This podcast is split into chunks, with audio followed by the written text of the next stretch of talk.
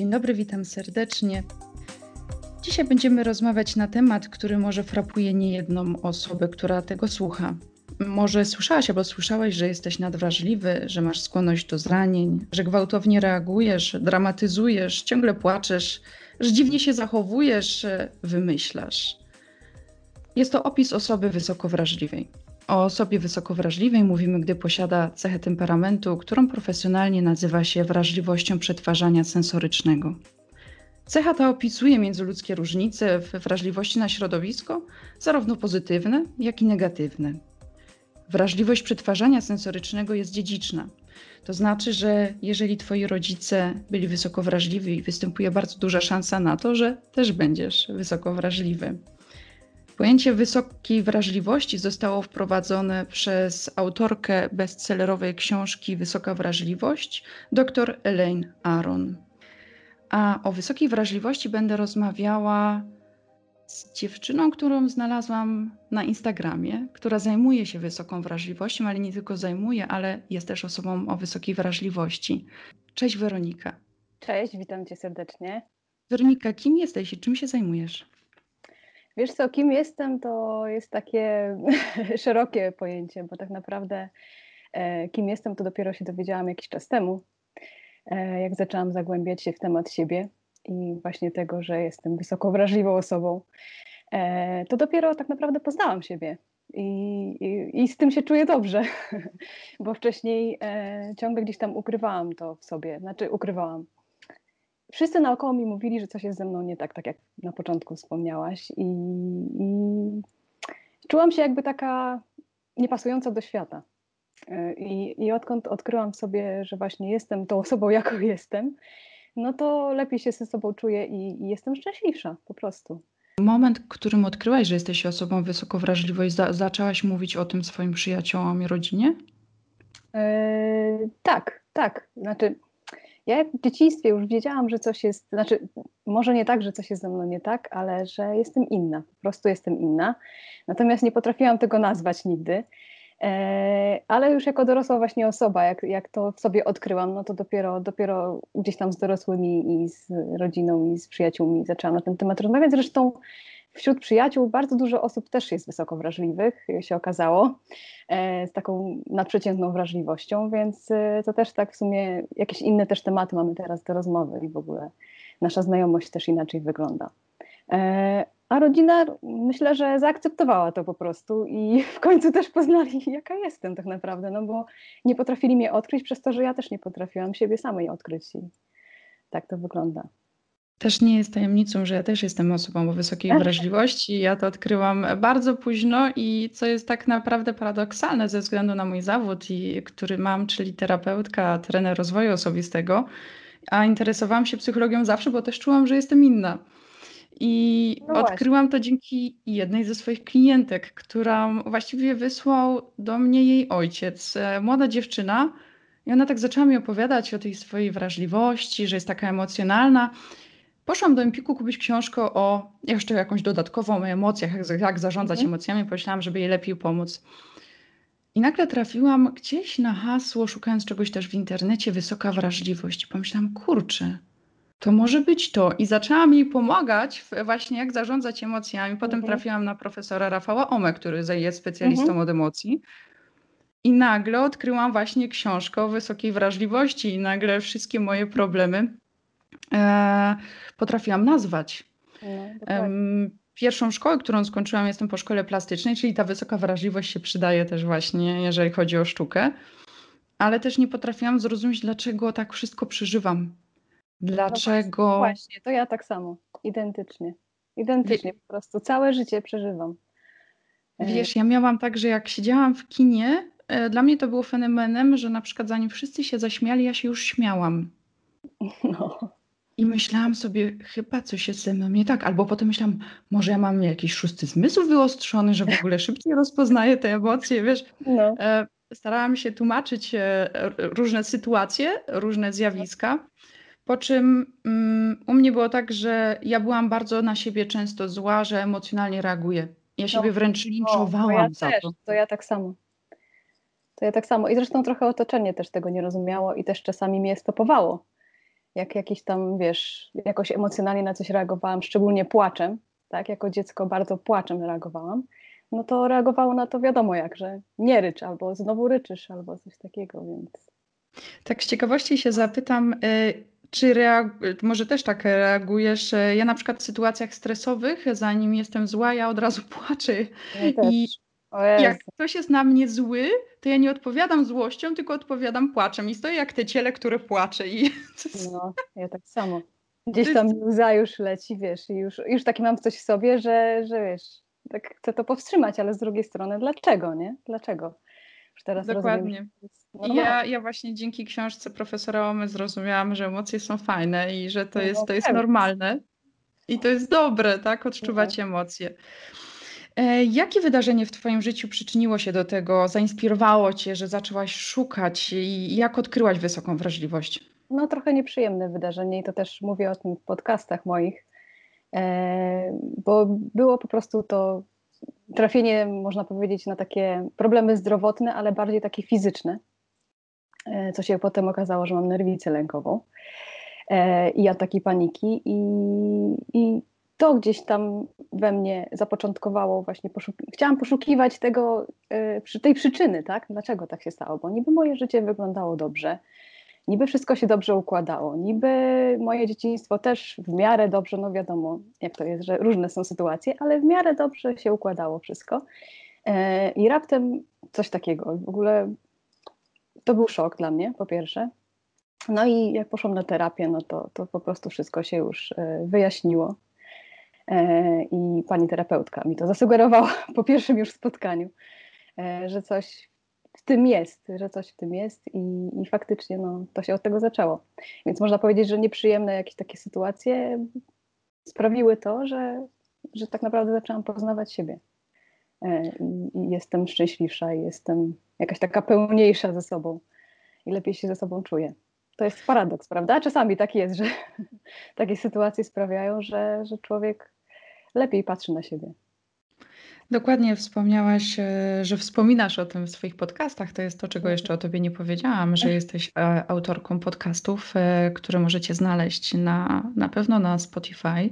Wszędzie praktycznie. Wszędzie, tak?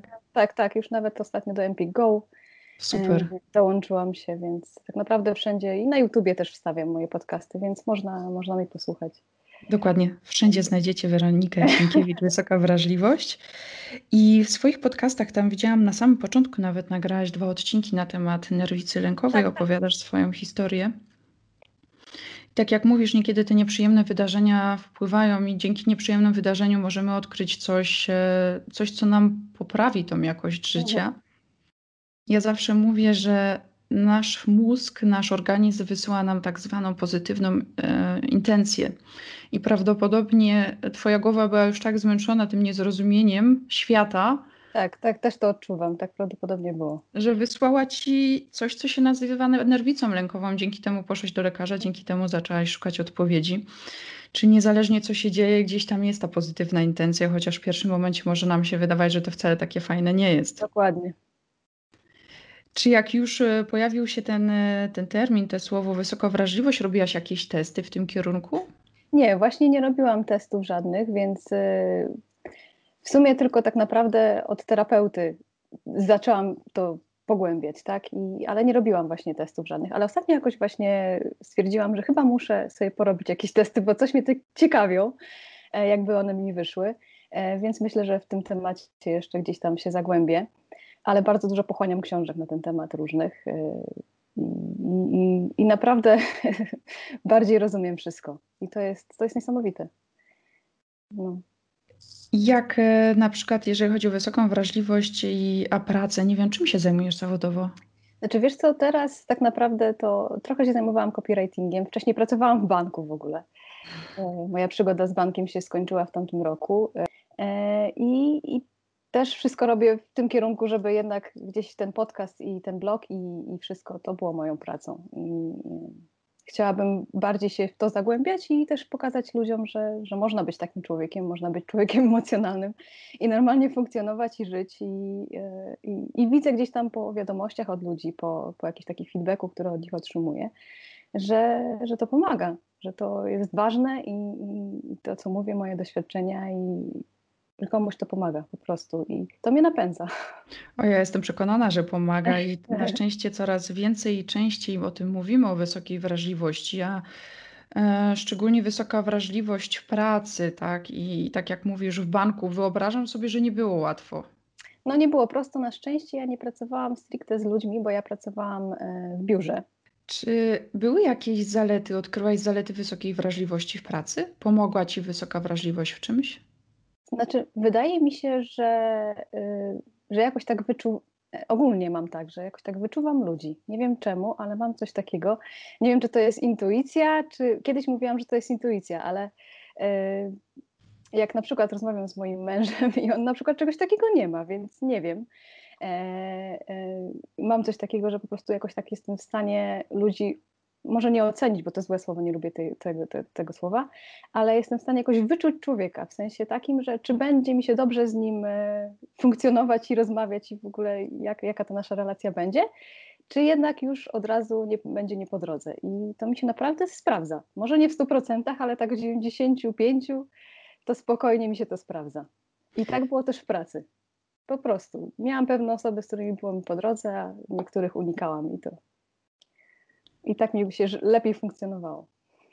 Właśnie to, co powiedziałaś, to jest taka fajna zaleta osób wysoko wrażliwych. E, gdzieś przeczytałam porównanie, że ludzie, którzy nie mają tej wysokiej wrażliwości, jak wchodzą do pomieszczenia, zauważają, ile tam jest ludzi, jakie są meble, a gdy wchodzi osoba wysoko wrażliwa, od razu potrafi powiedzieć, jaka panuje tam atmosfera. Tak, tak, no to ja też takiego mam.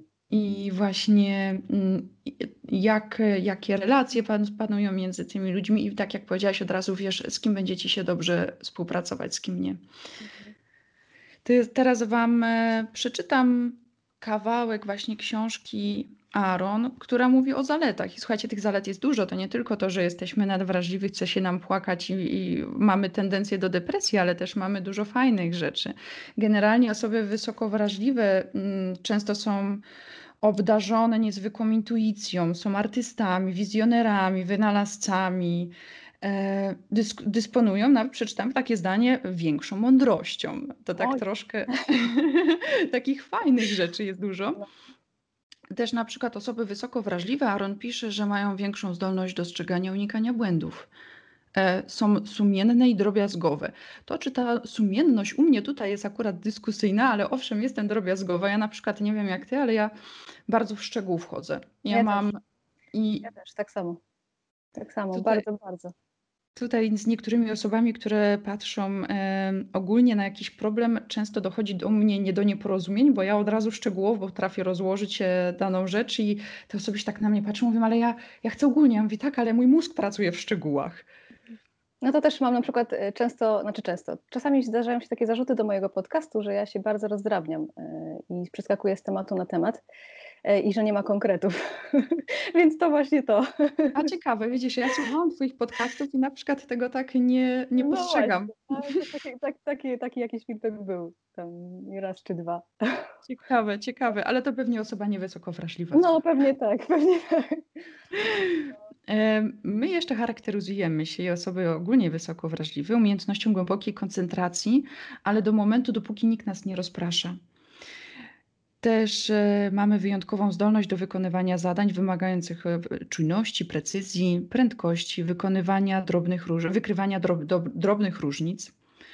Mamy zdolność do przetwarzania materiału na głębszym poziomie, tak zwanej pamięci sematy- semantycznej. Częste rozważanie swojego sposobu myślenia mamy. Mamy też zdolność uczenia się w różnych, e, różnych rzeczy, mimochodem, bez świadomości, że się ich nauczyliśmy, czyli na przykład zapamiętujemy coś nagle. E, moi znajomi się śmieją, że mam pamięć jak słoń. I podlegamy silnemu wpływowi nastrojów i emocji innych ludzi. I to ma swoje zalety i wady. Ja wykorzystałam tą wysoką wrażliwość w mojej pracy ale to też ma swoje wady. Ja musiałam się nauczyć na przykład nie odbierać e, negatywnych emocji i przeżyć wszystkich moich klientów, którzy do mnie przychodzą, e, bo bardzo zaczęłam to, to przeżywać. To zadanie w takim razie. No.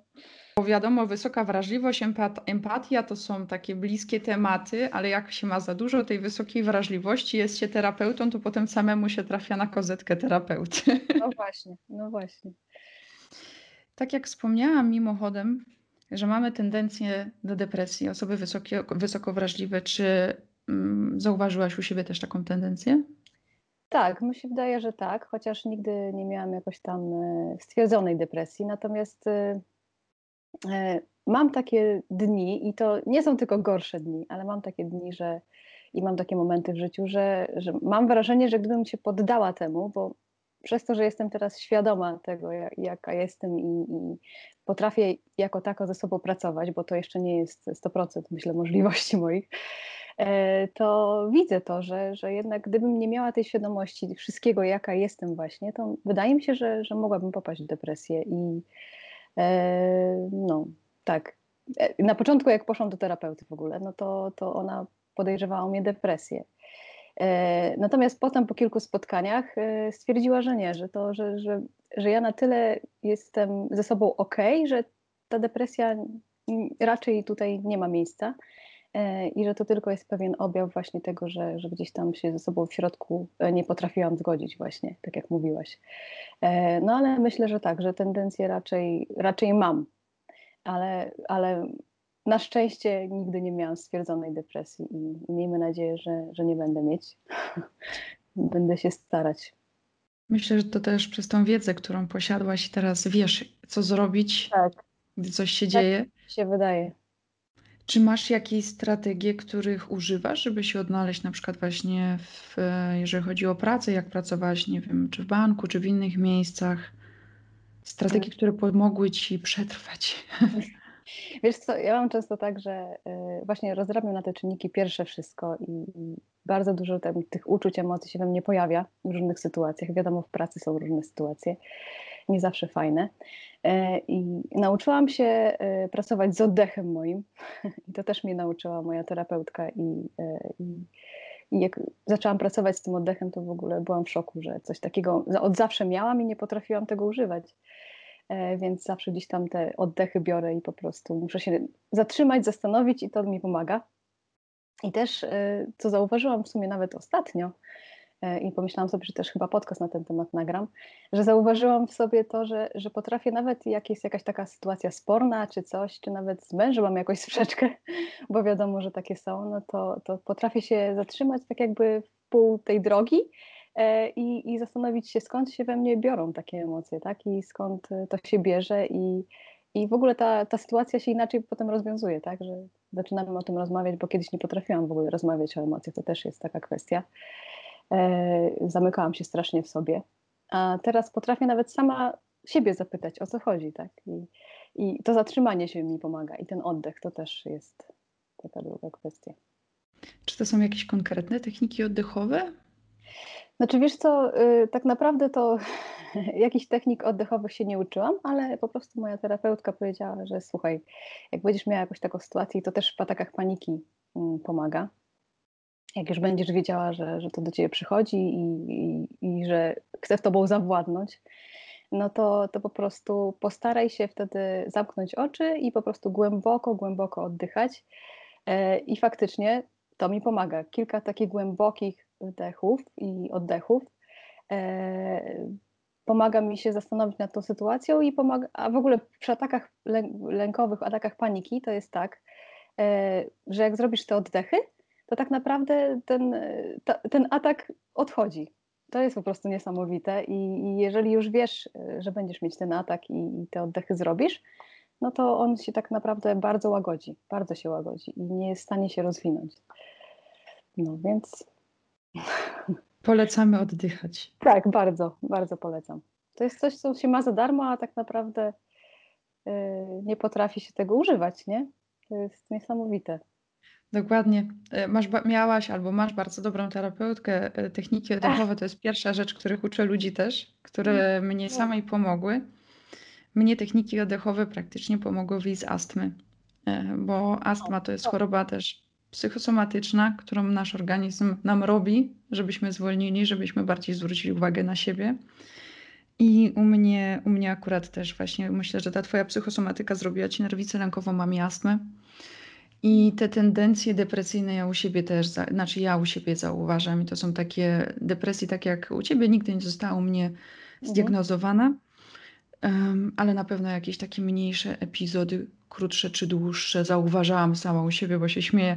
Zawsze moja, moja rodzina mi mówi, nie diagnozuj się sama, ale oczywiście co robi terapeuta, który ma pełno książek przed sobą z psychiatrii, otwiera książkę i mówi, dobra, no to spełniam już 8 na 10 warunków, to chyba czas no. coś z tym zrobić.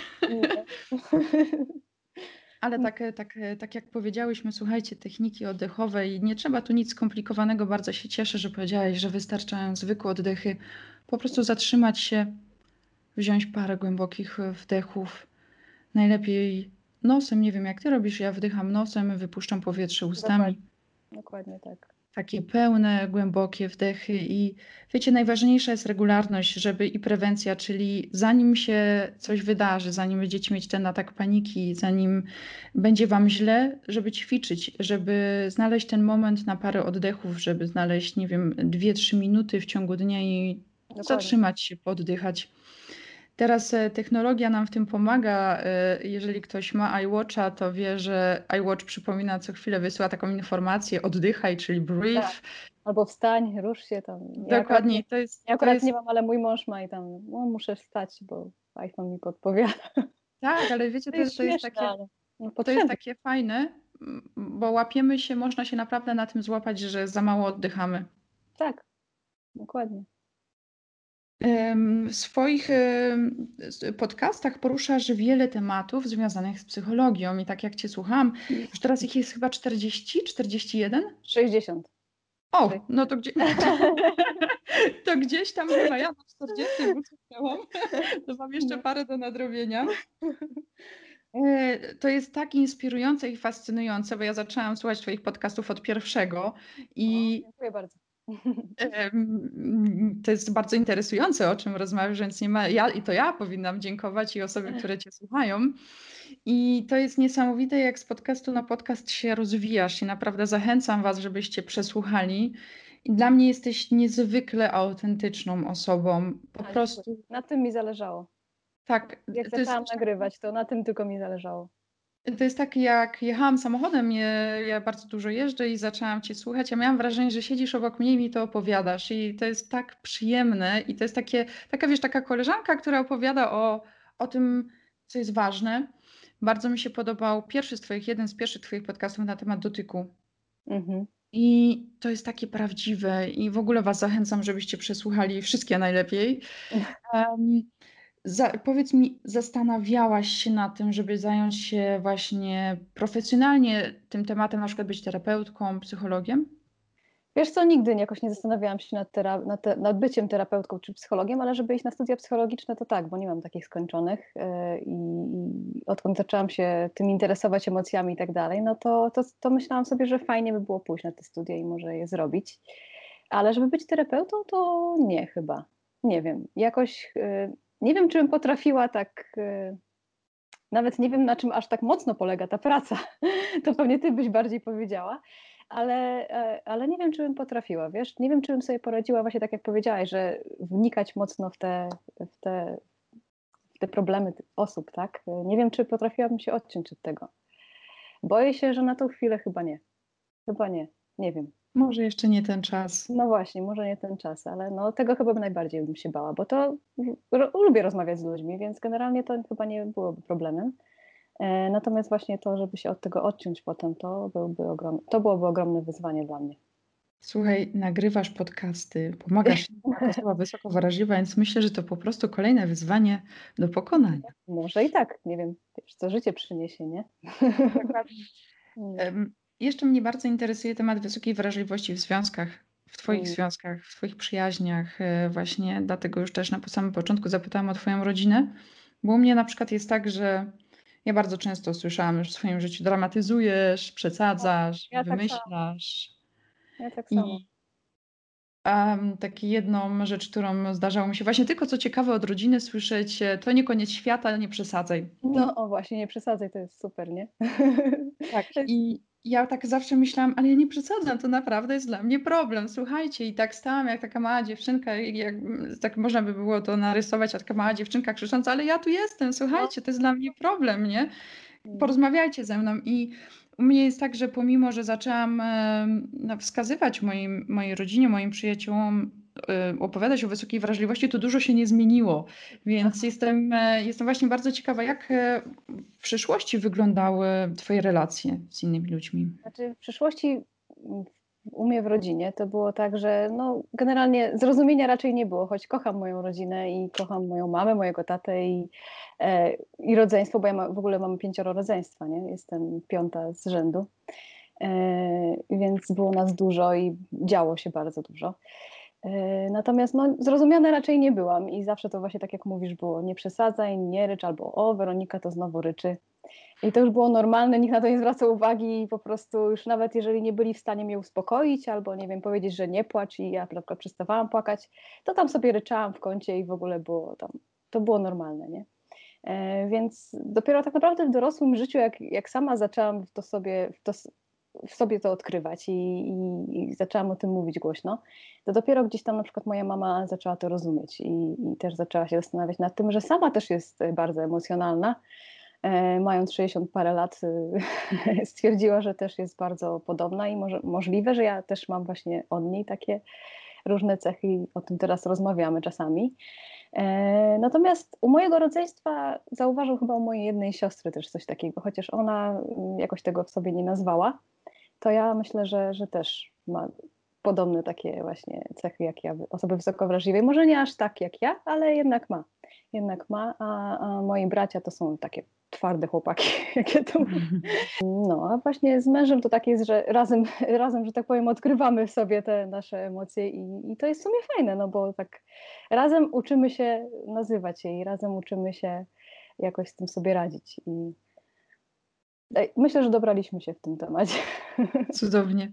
No emocje są fajne i właśnie dzięki temu jesteśmy ludźmi, bo je odczuwamy i no to jest, to jest ważne, żeby je akceptować, obserwować i to, co ja też często powtarzam, obserwuj. Najpierw obserwuj, nie musisz się od razu zmieniać. Daj sobie czas, obserwuj i rozmawiajcie. I to jest najważniejsze, żeby właśnie była ta komunikacja w relacji. I, I pamiętajcie, nie każdemu musicie się podobać, nie każdy musi was lubić. Polubią was ci, co mają was polubić. I ja na swojej drodze spotkałam też paru mężczyzn wysoko wrażliwych, i tak naprawdę tylko jeden z nich e, potrafił to nazwać i powiedział: Jestem osobą wysoko wrażliwą, i to było dla mnie, to było takie fajne. To było takie wow, wreszcie jest jakiś facet, który potrafi o tym no, mówić. No, super, fajnie. No. No, A to też Fakt, fakt, sorry, że ten, wchodzę w słowo, ale właśnie fajnie, że faceci teraz coraz bardziej się na to otwierają, nie? Naprawdę obserwuję bardzo dużo takich sytuacji i, i to jest naprawdę super, super. Ale wiesz, jedną rzecz zauważyłam, że to są głównie mężczyźni, którzy też chodzą na terapię no, i którzy no dostali taką, e, takie bezpieczeństwo. No co się dzieje na terapii? Wreszcie jest ktoś, kto nas słucha, kto nas nie ocenia, kto nas rozumie. I tylko życzę naprawdę każdemu, każdemu, kto nas będzie słuchał, żeby natrafił, trafił na taką osobę, ale też życzę Wam, żebyście zaczęli słuchać. Słyszałam jakiś czas temu takie fajne zdanie od Michała Zawadki. Gdy zadajesz pytanie, zapomnij swojej odpowiedzi. Wy też możecie być takimi terapeutami dla osób, które do Was przychodzą, dla Waszych przyjaciół, dla Waszej rodziny. Bo nie każdy sobie może pozwolić. Nie każdy ma tyle odwagi, żeby pójść do terapeuty właśnie odwaga, nie? Żeby I bardzo, bardzo często wystarczy po prostu zacząć słuchać i dać takie poczucie bezpieczeństwa tej drugiej osoby, osobie. Każdy z nas ocenia. My oceniamy i, i to jest częścią nas. Jest to wpisane w nasze, w nasze DNA, ocenianie i to nam też pomaga, bo gdybyśmy się zastanawiali, za każdym razem e, nad wszystkim, to byśmy zwariowali i to ocenianie tam też pomaga, tak? Nawet ocena, nie wiem, widzę chmury na niebie, o, będzie padać, to też jest ocena, ocena pogody, więc ocenianie jest rzeczą naturalną, ale żeby właśnie zapomnieć na chwilę o tym i posłuchać drugiej osoby bez oceniania i pozwolić jej otworzyć się i dzięki temu ludzie zaczynają nagle mówić o emocjach i być bardziej wyrozumiałym, bo myślę, że komunikacja i wyrozumiałość to jest klucz, klucz do sukcesu, do dobrych relacji. Powiedz mi, Weroniko, jeszcze bardzo często się mówi o nas, o osobach wysoko wrażliwych, że jesteśmy przebodźcowane, że za dużo tego się dzieje e, wokół nas, że za bardzo odczuwamy wszystko. Jak to wygląda u ciebie? Oj, tak. Ja, ja od dziecka już wiedziałam, że coś jest właśnie w tym sensie ze mną. No, nie, teraz już wiem, że nie jest nie tak, ale kiedyś tak myślałam. E, bardzo strasznie, do tej pory mam tak, że, że nie lubię tłumów ludzi. O Jezu, to jest po prostu najgorsze, co może być. I na przykład tak jak uwielbiam chodzić na koncerty, no teraz wiadomo, że nie, nie chodzę, ale uwielbiam chodzić na koncerty, uwielbiam chodzić do teatru i, i zawsze dla mnie problemem jest kurczę, ale tam będzie dużo ludzi, tak. I już się zastanawiam, jak to będzie, że będę musiała się gdzieś przeciskać, albo to, to jest taki dyskomfort dla mnie. To czasami po prostu nie mam frajdy z koncertu, bo ktoś gdzieś tam na mnie wchodzi, ktoś gdzieś tam się obija. No na koncercie nie, jest, nie ma szans, żeby tak nie było, tak? E, więc y, i, i, często walczę ze sobą gdzieś tam w środku, że kurczę, korzystaj z tego, że jest ten koncert, słuchaj tej muzyki, a nie gdzieś się tam zastanawiaj, że, że ktoś tutaj ci, nie wiem, prze, przeszedł przed tobą albo, nie wiem, zasłania ci choć trochę, tak? I to też właśnie mąż do mnie mówi, że e, często mnie tam gdzieś sztura mówi, słuchaj, no słuchaj tej muzyki, wie dokładnie, dlaczego ja tak reaguję, ale z drugiej strony, no muszę też trochę z tym walczyć, no bo przecież nie wyszłabym nigdzie do ludzi, tak? Do większej e, grupy ludzi, gdybym nie walczyła z tym właśnie. E, no, więc omijam centra handlowe to po prostu szerokim łukiem, szczególnie właśnie w takich e, okolicach świąt, i tak dalej, to, to jest dla mnie jakiś koszmar. Dobrze, że teraz internet jest na tyle rozwinięty, że mogę wszystko zamówić przez internet i nie chodzić. E, I, tak jak kiedyś jeszcze jakoś tak mocno na to nie zwracałam uwagi, tak teraz to po prostu mam wrażenie, że, że z każdym rokiem jest jeszcze bardziej i gorzej z tym bodźcowaniem mnie. E, no, więc tak to wygląda niestety. No, staram się unikać jak mogę, a jeżeli już nie mogę uniknąć, no to po prostu jakoś tam staram się to akceptować i walczę ze sobą trochę, żeby jednak gdzieś te uczucia w sobie tam trochę bierzesz, złagodzić. Bierzesz wtedy parę głębokich wdechów i do przodu. Tak, dokładnie, dokładnie tak. Jak jesteśmy już w temacie dźwięków, właściwie w temacie muzyki, czyli w dźwiękach, jestem bardzo ciekawa, jak to jest u ciebie z dźwiękami. Czy reagujesz e, szybciej na pewne dźwięki? Tak, bardzo w ogóle. Y, mam wrażenie, że bardziej w ogóle słyszę dźwięki. I, mój mąż na przykład właśnie też się śmieje, że, często na przykład w nocy się budzę, bo gdzieś tam coś usłyszę, on w ogóle tego nie słyszy, albo nie wiem, e, coś tam gdzieś stuka, a on mówi, że to w ogóle jakiś taki słaby dźwięk, a ja, ja dla mnie to jest jakieś takie wyolbrzymione. E, e, no i często się w nocy budzę, bo coś tam się dzieje, czy ktoś tam stuknie, puknie, no to ja już po prostu tak. Tak samo, tak samo mam ze światłem na przykład, tak? Ja nie lubię mieć mocno takiego ostrego światła. Ja najchętniej bym po prostu jak kred żyła. I tylko przy świeczkach. Tam, tak, dokładnie, przy świeczkach, przy jakimś takim stłumionym świetle. To jest po prostu dla mnie idealna sytuacja. E, nienawidzę takiego światła, w ogóle takiego, wiesz, górnego, ostrego światła, a takiego z reflektora, albo nie wiem, jak na przykład w centrach handlowych jest. O właśnie, w centrach handlowych też mnie bardzo te światła y, no, rozpraszają i, oczy mnie od razu bolą, od razu się czuję rozdrażniona, od razu zaczęła głowa mnie boleć i w ogóle już jest wszystko źle i najlepiej wyjdź stąd. I to takie tylko, wiesz, wyjdź stąd, załatw sprawę i wyjdź stąd. To jest właśnie to jest bardzo, bardzo ciekawe, co powiedziałaś, i myślę, że to ważne, żeby podkreślić, e, to są te psychosomatyczne sygnały, które nasz organizm wysyła. Jak zastanawiacie się, czy jesteście osobami wysoko wrażliwymi, to co Weronika powiedziała, czyli właśnie jak zaczynają to, co na przykład ze światłem, jeżeli zaczynają was piec oczy, jeżeli macie takie poczucie, że też e, dusicie się, to jest, może być krótko przed atakiem paniki, po prostu zaczyna boleć całe ciało i daje wam sygnał, idź, zostaw. Dokładnie. I ważne, żeby i też ból głowy, i myślę, że warto słuchać tego organizmu, jeżeli wam jest za dużo, po prostu naprawić, naprawdę opuśćcie dane pomieszczenie, bo krzywdzenie siebie samego nic wam nie da. No. Ja na przykład tak mam, że akurat e, światło lubię i światło mnie nie drażni, ale ja mam bardzo poważny problem z dźwiękami. I zawsze się zastanawiałam, czy ja po prostu mam tak wrażliwy słuch, czy coś ze mną nie tak. I któregoś dnia, słuchając radia, chyba to było Radio Kolor, usłyszałam o takim czymś jak mizofonia i pomyślałam, o Boże, to ja, ja to mam.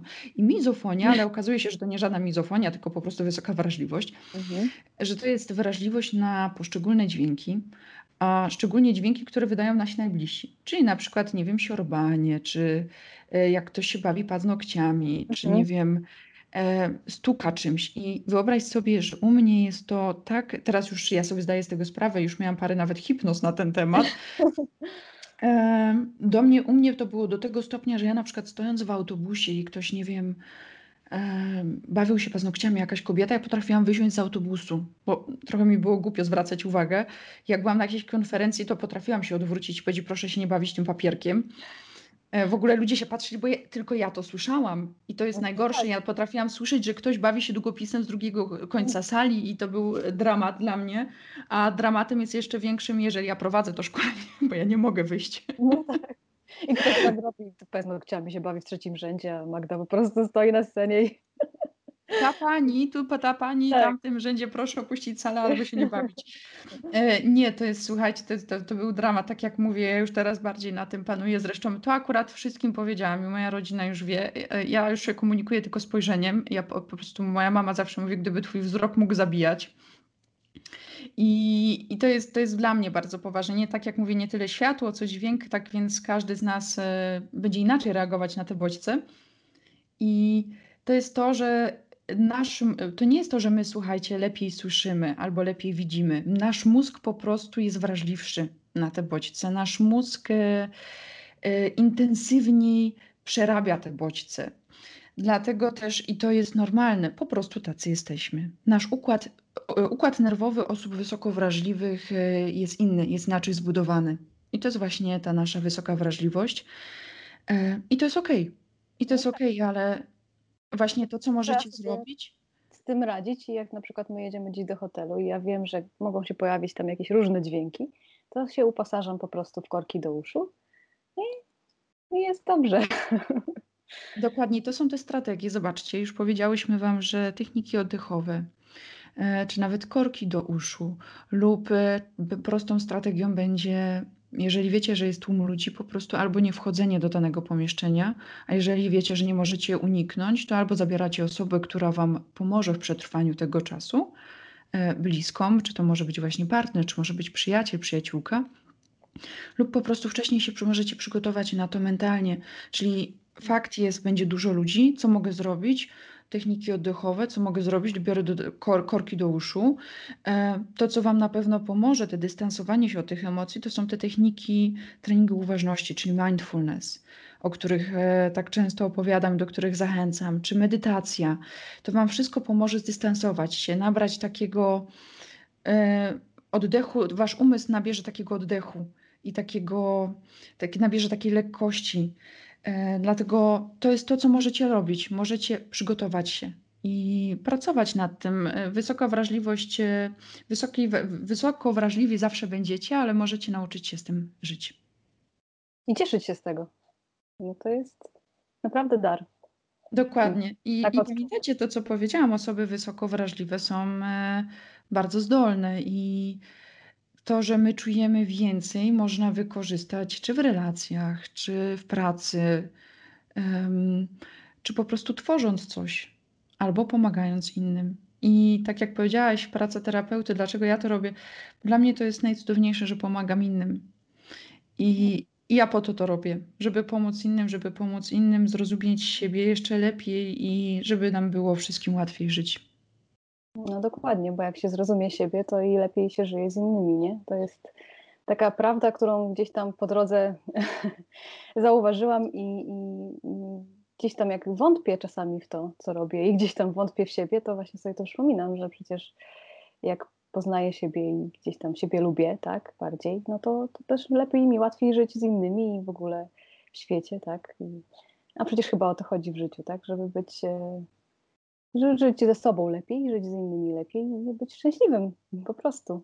A jak będziemy sobie w zgodzie ze sobą, no to jesteśmy szczęśliwsi i to jest, to się łączy ze sobą.